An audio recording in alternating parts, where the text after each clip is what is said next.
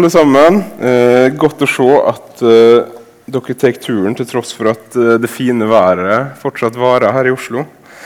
Eh, I kveld er faktisk siste kvelden oss i Apostlenes gjerninger. Neste lørdag skal Peter, innvandringskonsulenten vår, snakke om eh, Apostlenes gjerninger 29, som jo ikke fins. Eh, eh, om hva egentlig vår plass i denne historien, denne historien om utbreding av evangeliet. Eh, Så dette her er siste kvelden og skal være i Apostlenes gjerninger, boka i Det nye testamentet. Og så har vi gjennom mye spennende og viktig. Og nå har vi gjort et hopp til i dag på seks kapittel siden Ingebjørg sin tale for to uker siden. Eh, Og så er Apostlenes gjerninger 26 for dere som eh, bruker U-version. Eh, Og skal starte med en liten catch-up. I mellomtida her når Ingebjørg talte sist, så var vi i Efesus, der Paulus sa ha det bra til alle de kristne der, og fortalte dem at vi kommer aldri til å møtes igjen eh, før hjemme i himmelen. Og så skjer det mye i de kapitlene som kommer. Jesus, nei, Paulus blir tatt til fange eh, i tempelet i Jerusalem. Og han blir satt foran rådet, som jo skjer igjen og igjen i Apostlenes gjerninger. Eh, etter det så prøver, tenker romerne at for å finne ut det her, så bør vi kanskje bare på en måte bruke litt tortur for å, for å få fram det han egentlig vet. Så de tenker de skal piske han. Eh, og Paulus har jo litt erfaring med pisking, men er tydeligvis gått lei. Eh, så i det de skal piske han, så sier han unnskyld meg, men har dere egentlig lov til å piske en romersk borger uten en liksom dum? Og Da blir de litt betutta, og så sier de er du romersk borger. Ja, jeg er født til å være romersk borger, til og med. Så da slipper han uh, piskinga, men blir isteden sittende og råtne i fengsel i to år. Før det så prøver jødene å få han drept i Jerusalem. Romerne finner ut av det og smugler han til en by som heter Cesarea. Og Der blir han sittende uten å få rettssaken sin opp i to år. Så bytter de eh, landshøvding fra en som heter Felix, til en som heter Festus. Og Da blir saken til Paulus tatt opp igjen på nytt. Og han anker til keiseren i Roma. Eh, I kapittel 26 så får vi lese enda en forsvarstale. På en måte De kapitlene før er en rekke av sånne forsvarstaler. Og Nå snakker han til han her Festus, romersk eh, dude, og til kong Agrippa, eller Herodes Agrippa, som han heter. Agrippa han var jødene sin på en måte verdslige leder. Han var, jeg vet ikke hva jeg skal si. Hvis uh, sier keiseren er president, så er Agrippa som en slags fylkesordfører eller noe for jødene. Uh, han hadde rett til å innsette øverstepresten i rådet i Jerusalem. Og han hadde veldig god kontroll på, på måte, hva jødene tror, mener, hva skikker de har, hva er de er uenige om. Han hadde veldig god innsikt i det. Han var både jødene og romerne sin mann, på en måte. Um, og han kjente til alt styret rundt Jesus og de kristne også, og det vet Paulus. Så nå skal vi lese sammen. Eh, da kan dere lete opp på YouVersion eller eh, gjøre som dere vil. Jeg kommer til å lese fra kapittel 26, vers 2, og så ganske langt utover. Og Her er det Paulus da, som snakker til Agrippa og, eh, og Festus. Jeg holder for ei lykke at det er framfor deg, kong Agrippa, jeg i dag skal forsvare meg mot alt det som jøder skylder meg for siden du kjenner så vel alle skikker og stridsspørsmål hos jødene. Derfor ber jeg deg om å høre på meg med tålmodighet. Helt fra barndommen har jeg bodd mellom folket mitt i Jerusalem, og alle jøder vet hvordan livet mitt har vært. De kjenner meg fra før, om de bare vil vitne om det, og vet at jeg har levd som fariseer og hørt til den strengeste retninga i religionen vår. Og Nå står jeg her og skal dømmes fordi jeg setter mitt håp til det løftet Gud ga fedrene våre. Det løftet som den tolletta folket vårt håper å se oppfylt. Derfor er de utholdende og dyrker Gud dag og natt. For dette håpet, konge, kommer jøder med beskyldninger mot meg. Hvorfor blir det regna som utrolig hos dere at Gud vekker opp døde? Jeg syntes sjøl en gang at det var en plikt å stride av all kraft mot nasareeren Jesu navn. Og det gjorde jeg i Jerusalem. Jeg fikk fullmakt fra overprestene og kasta mange av de hellige i fengsel. Var det spørsmål om å henrette dem, så stemte jeg for. Rundt omkring i alle synagogene fikk jeg ofte straffa for å tvinge dem til å spotte. og rasende som jeg var, forfulgte jeg dem helt til byer i utlandet. Mens dette sto på, for jeg en gang til Damaskus med fullmakt og oppdrag fra overprestene. På den ferda, konge, så jeg midt på dagen et lys fra himmelen, klarere enn sola. Det stråla omkring meg og de som var i lag med meg. Oss falt alle til jorda, og jeg hørte ei røst som sa til meg på hebraisk.: Saul, Saul, hvorfor forfølger du meg? Det blir hardt for deg å stampe mot brodden. Hvem er du, Herre? spurte jeg. Og Herren svarte, Jeg er Jesus, han som du forfølger. Men reis deg opp og stå på føttene. Jeg har vist meg for deg fordi jeg vil velge deg ut til tjener og til vitne, både om det du har sett av meg, og om det du seinere skal få se, når jeg berger deg ut fra ditt eget folk og fra alle hedningfolka.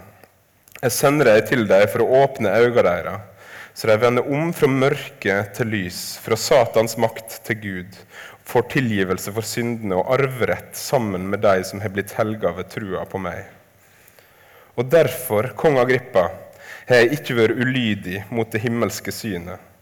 Tvert om har jeg forkynt først i Damaskus og Jerusalem, siden i hele Judea for hedningfolka, at de må skifte sinn og vende om til Gud og gjøre gjerninger som svarer til omvendelsen.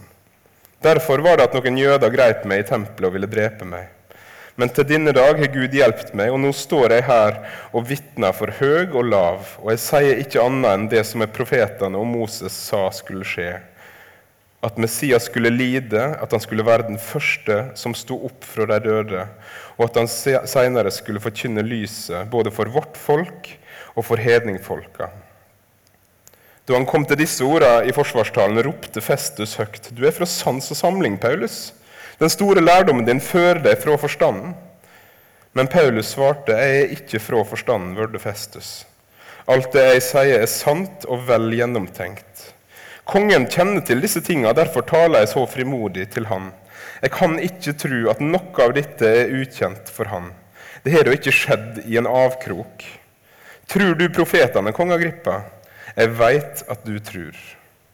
Da sa Agrippa til Paulus, det er like før du får overtalt meg til å bli en kristen.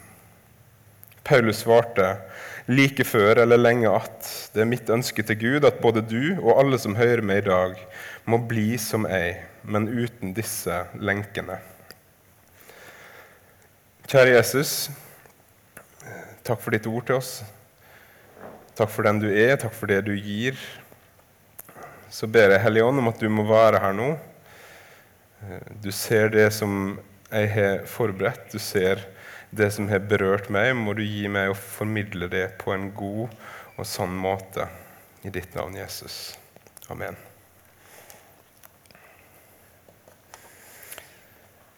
Noe av det siste som blir sagt i oh. Noe av det siste som blir sagt i teksten, er 'det er like før', eller i andre oversettelser 'det mangler lite' på at du får overtalt meg til å bli en kristen. Hvordan en skal tolke det, det, det krangler en mye om. Eh, han er jo konge på en måte og skal på en måte ta vare på både sitt forhold til romerne og sitt forhold til jødene. Han vil jo nødig si at han ikke tror på profetene når Paulus stiller han det spørsmålet direkte. Med tanke på alle de jødene som kan ha vært der når han sa det han sa. Så det kanskje var litt en smart måte for kongen å komme seg ut av å svare på spørsmål i det hele tatt. Men var han ironisk, liksom, eller var det, var det en slags anerkjennelse av Paulus' i overtalelsesmakt? Mente han faktisk det han sa? Det veit han ikke. Men det han vet, er at Paulus må ha gjort et positivt inntrykk på Agrippa. For Agrippa sier rett etterpå at eh, han her kunne oss jo sluppet fri hadde det ikke vært for at han hadde anka til keiseren. For meg, når jeg leste, så er det mangla lite på at du får overtalt meg til å bli en kristen, en av de tristeste setningene i hele Det nye testamentet. Det mangler lite. Det er like før. Nesten, men likevel ikke. Det første jeg har lyst til å si om den teksten som vi nå har lest, og egentlig om apostlenes gjerninger som vi har gått gjennom, og historien om Paulus, og som vi kan lære av det, det er 'vær frimodige'. Paulus står her og så sier han er vitner for høg og lav. Tenk om noe av den frimodigheten han har, der han står i lenkene sine framfor disse kongene. Tenk om noe av den frimodigheten kunne smitta over på oss. Og så den setninga, som jeg syns er en, en, av de tristeste i hele Bibelen. Hvis noen som du har en relasjon til, og som du vet at du kommer til å møte igjen og igjen, og igjen, sier akkurat de samme ordene, så er det plutselig ikke en trist setning lenger, men det er en setning som har muligheter i seg. Det mangler lite på at du får overtalt meg til å bli en kristen. Det blir en setning som oppmuntres til å be mer, som oppmuntres til å fortelle meg, som oppmuntres til å være frimodig i møte med deg. Og Det som skjer når noen tar mot Jesus, og som Paulus sier i denne teksten, det er at de går fra mørke til lys. De går fra Satans makt til Gud. De går fra slaver under synd til arvinger og barn av Gud. Og det er ingenting som er større enn det. Når jeg gikk på ungdomsskolen hjemme i Stordal på Sunnmøre, så hadde jeg tre kompiser som på forskjellige tidspunkt var nysgjerrige og litt sånn mottagelige egentlig for, for det kristne budskapet. To av dem heter Åge og Lars. Um, Åge han ble med meg på TMF, som det heter, hvis noen har vært på det. Tennmisjonsfestivalen. NMSU sitt sommerstevne på Sørlandet. Og Der fikk han høre god forkynnelse som var tilpassa ungdommer. Der fikk han være med og be i lag med andre unge kristne. Han fikk høre heftig lovsang. Og I etterkant av det så sa han at han hadde lyst til å være en kristen. Og jeg var kjempeglad. Jeg kunne ikke tro det, nesten. Tenk at han har lyst til å være en kristen. At han tror på Jesus. Og så virker det som han mente det også. Det var helt fantastisk. Sommeren etterpå så ble Lars med meg på UL i Fredrikstad. Og Etter det så ga han også uttrykk for at han hadde lyst til å være en, en kristen. Han hadde lyst til å tro på Jesus. Og jeg var jo selvfølgelig overlykkelig. Plutselig var det tre kristne gutter på ungdomsskolen vår. Ehm, men så på høsten så fikk jeg en telefon. Da hadde de to snakka sammen, og så hadde de blitt enige om at de ville ikke være kristne lenger og sa det til meg. Og Jeg aner ikke hvor djupt trua hadde fått feste seg hos dem. Jeg husker bare hvor tøft jeg syntes det var å få den beskjeden. Og så vil jeg bare si fra til deg om at vi ikke har lyst til å være kristne lenger. Det slo ned som ei bombe i meg, og det satt i magen i flere dager og uker. Nesten. Nesten en kristen, men så var det noe de heller hadde lyst på noe som var viktigere, noe de syntes var kjekkere, noe som ble viktigere og større for dem enn det å tro på Jesus. Den tredje kompisen min som var nysgjerrig, han heter Lars Petter. og Det er sikkert flere i salen som kjenner han.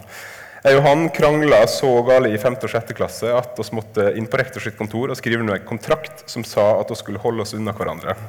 Eh, Ganske utrolig, egentlig. Men det var kontraktsfesta gjennom mellomtrinnet at oss skulle holde oss unna hverandre. Eh, når vi begynte på ungdomsskolen, derimot, så ble vi på en eller annen måte kompiser. Og I konfirmanttida så hadde oss ungdomsklubben Jeg vet ikke om dere hadde sånn konfirmanttjeneste når dere var konfirmanter, at dere enten måtte dele ut salmebøker i kirka eller sånne ting. Og For oss var tjenester som oss hadde, var å være ledere på ungdomsklubben hjemme. Og Den klubben var det mamma som drev, og så hadde hun meldt den inn i KRIK, og så sendte hun oss av gårde på Krikk-konferansen her i Oslo. Eh, der oss var ja, Jeg tror ikke egentlig oss var i målgruppa. Eh, det var sånn seminar om kneskade, og det var ikke måte på. Jeg tenkte det her var jo veldig teknisk. Eh. Men møter og gudstjenestene og konsertene var en helt ny opplevelse for Lars Petter. Plutselig fikk han forkynnelse som var tilpassa til ungdommer han hørte musikk som han aldri hadde hørt i kirka, i hvert fall. Eh, og så fikk han se mange mange kristne rundt sin egen alder. Og så ble han fryktelig nysgjerrig. Han så et eller annet som disse hadde, som han hadde lyst på. Han så et eller annet som han ikke visste hva var, men som han hadde lyst til å få tak på. Så begynte han å stille spørsmål, han ville finne ut av det. Etter hvert så skulle vi begynne på videregående, og da valgte han å begynne på Vestborg sammen med meg. Fordi han, han greide ikke å slippe tak i dette her. Når vi begynte på Vestborg, så var han fortsatt ikke en kristen. Han var fortsatt ikke trygg. Han, han, det var fortsatt noe som skurra. Han hadde på en måte vært, det hadde mangla lite i to år. Nå er det frelsesvissheten som på en måte var det han sleit med. Hvordan kan jeg vite at jeg er frelst? Og Så holdt rektoren vår, Odd Rannestad, en tale som gikk akkurat på det med og hvordan det ikke finnes ved å på en måte trykke det fram, men ved å se på korset, se på Jesus og tro at det han har gjort, er nok, og at det var for meg.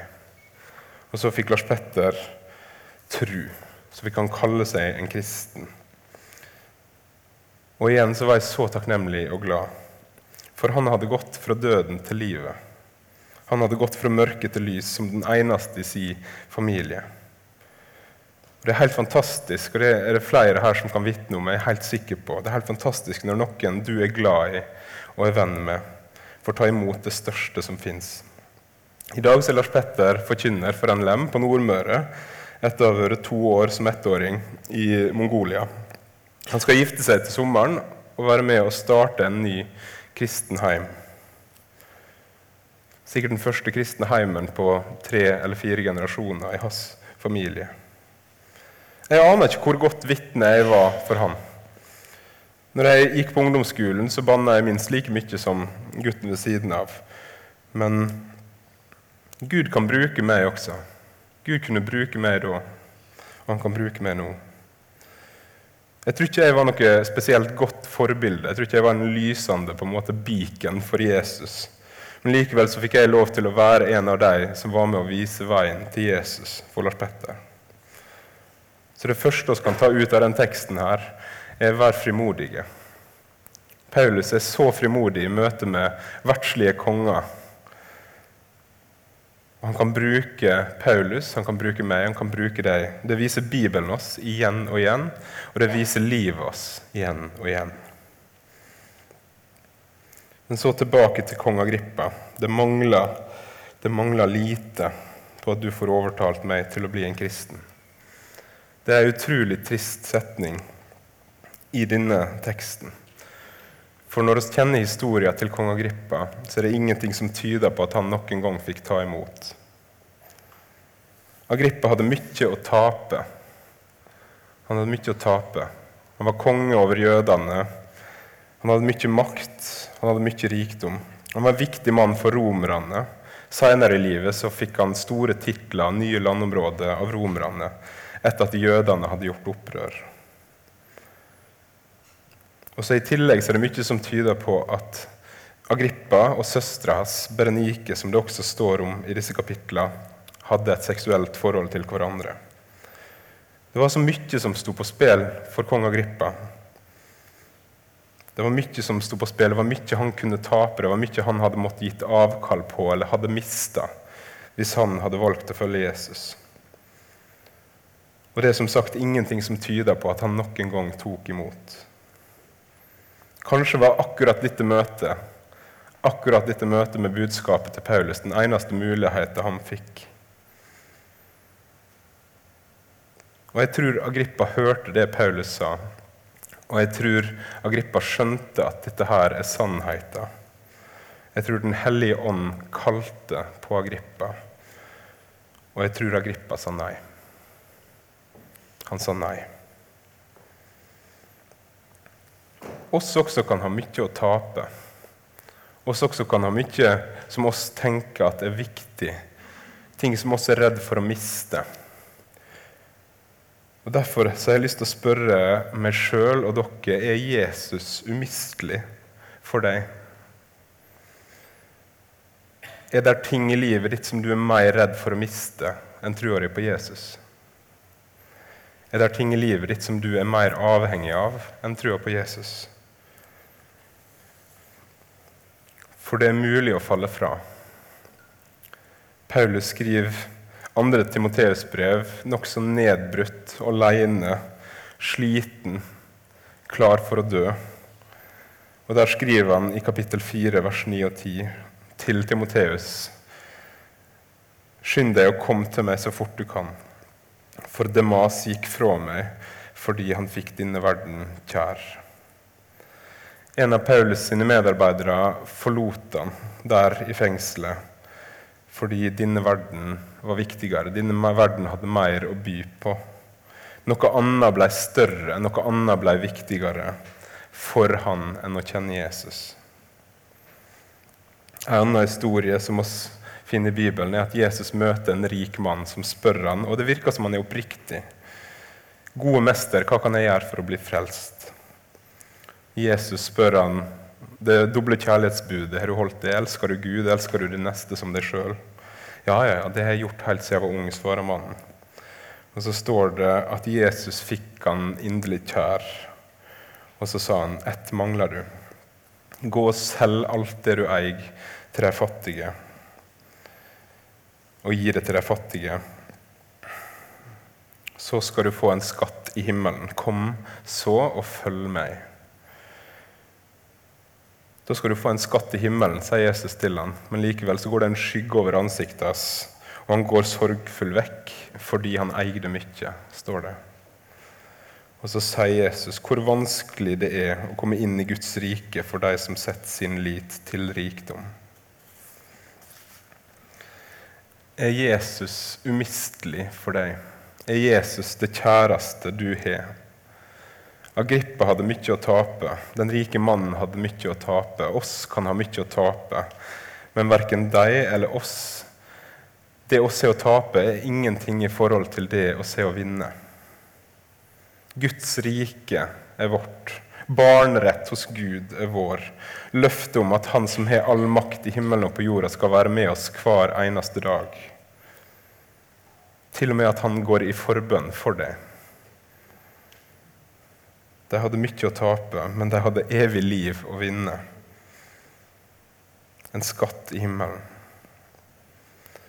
Jeg håper oss alle kan ransake oss sjøl i lys av dette her og be Gud om å ransake oss. Er du umistelig for oss, Gud? Hvis ikke, gjør det sånn at du er det. Fordi der er bare én som alltid er trofast.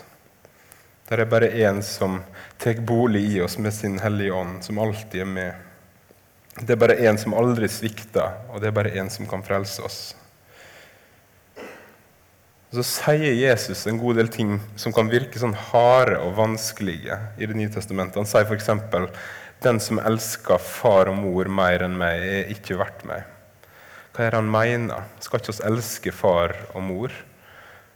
Jo, sjølsagt skal vi elske far og mor, men hvis far og mor betyr mer enn oss, mer for oss enn Jesus, så er det gale. Fordi de kan ikke hjelpe oss i møte med døden. Mor og far kan oss miste. Jesus kommer oss aldri til å miste. Men er han umistelig for deg?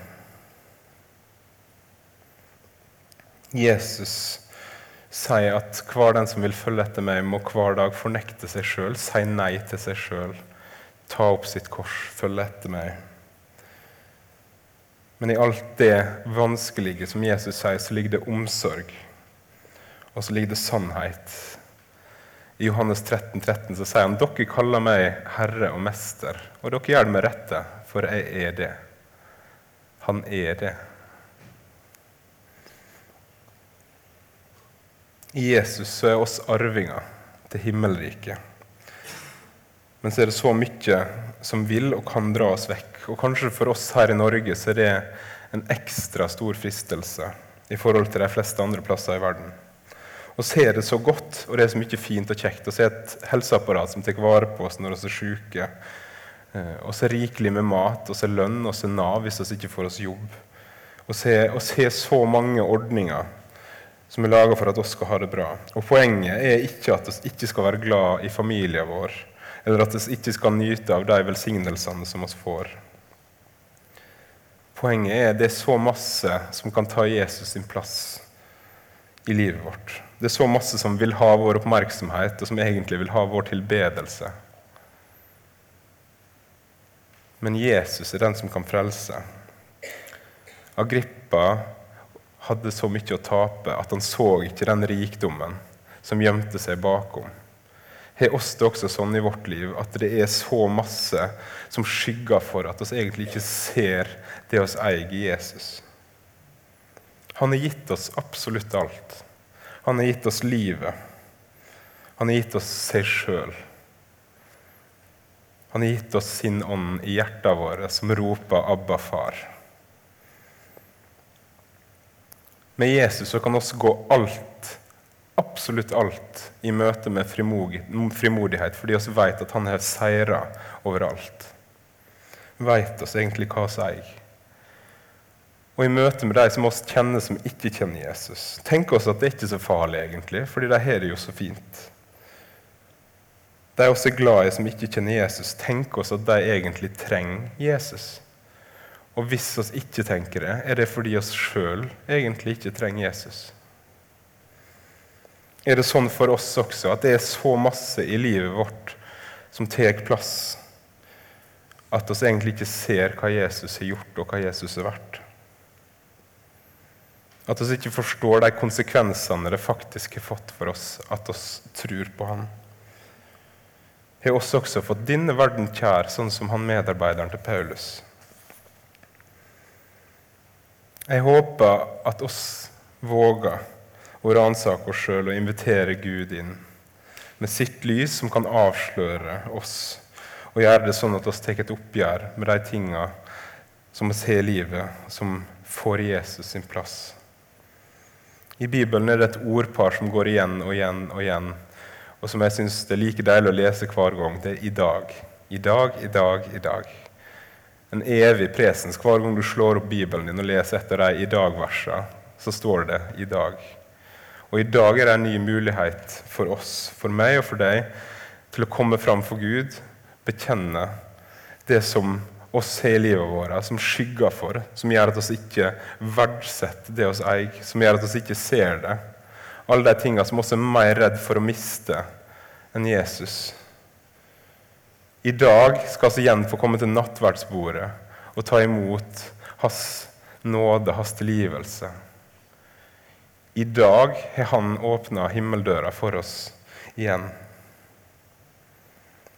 I dag inviterer Gud oss til relasjon med seg.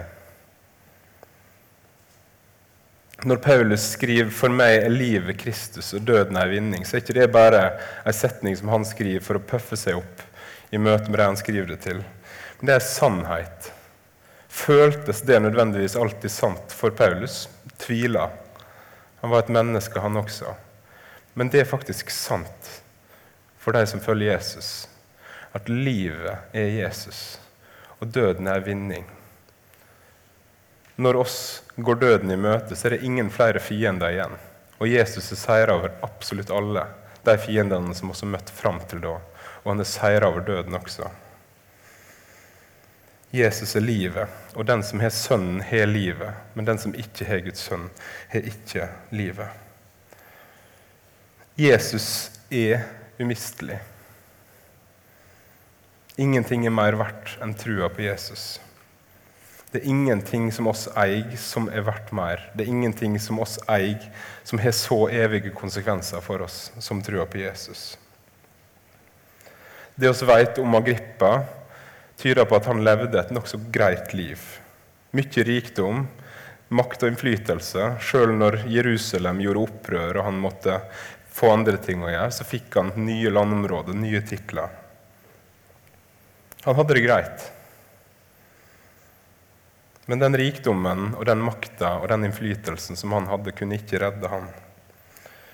Den rikdommen og den makta og den innflytelsen som han hadde, den døde med han. Men den rikdommen som oss eier, og som oss skal eie, er så uendelig mye større. Oss eier evig liv. Oss har Gud som far. Oss er Jesus som Herre, som frelser, som venn, som bror. Han går i forbønn for oss. Han tar imot oss igjen og igjen. Og det er umistelig.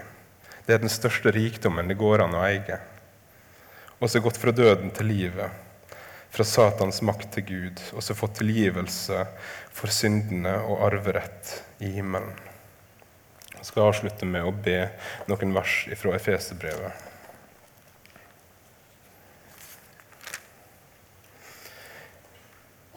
I Han har oss frimodighet, og i trua på Han kan oss komme fram for Gud med tillit. Derfor bøyer jeg mine kne for Far, Han som har gitt navn til alt som heter Far i himmel og på jord. Må Han som er så rik på herlighet, styrke dere indre mennesker med kraft ved sin ånd. Må Kristus ta bolig i hjertet deres ved trua, og dere står rotfesta og grunnfesta i kjærlighet må dere sammen med alle de hellige få styrke til å fatte bredde og lengde, høgde og dybden, ja, kjenne Kristi kjærleik som er større enn noen kan forstå. Må dere bli oppfylt med hele Guds fylde, Han som virker i oss med si kraft og kan gjøre så uendelig mye mer enn alt det oss ber om og forstår. Han være ære i forsamlinga og i Kristus Jesus gjennom alle slekter og i alle evigheter. Kjære Jesus. Du som kom ned, du som ble menneske, du som tok på deg vår synd, du som betalte vår straff. Du som sto opp igjen og seira over døden. Du som gjør i stand en plass for oss i himmelen. Og du, far, som elsker så at du sendte din sønn du som kaller oss dine barn. Du som lar oss komme fram for deg i bønn, du som kjenner hvert sukk, du som hører hver bønn. Må du gjøre det sånn i livet vårt at vi ser at du er umistelig. Du ser de tinga i livet vårt som tar din plass, eller som prøver å ta din plass. Jeg ber om tilgivelse for de tinga som har fått skygge for deg i livet mitt. Og så ber jeg om at du må vise deg for oss. Vis deg som seierherren. Vis deg som en Gud som ser. Vis deg for oss igjen og igjen. Må oss aldri slippe taket i deg. I ditt navn, Jesus. Amen.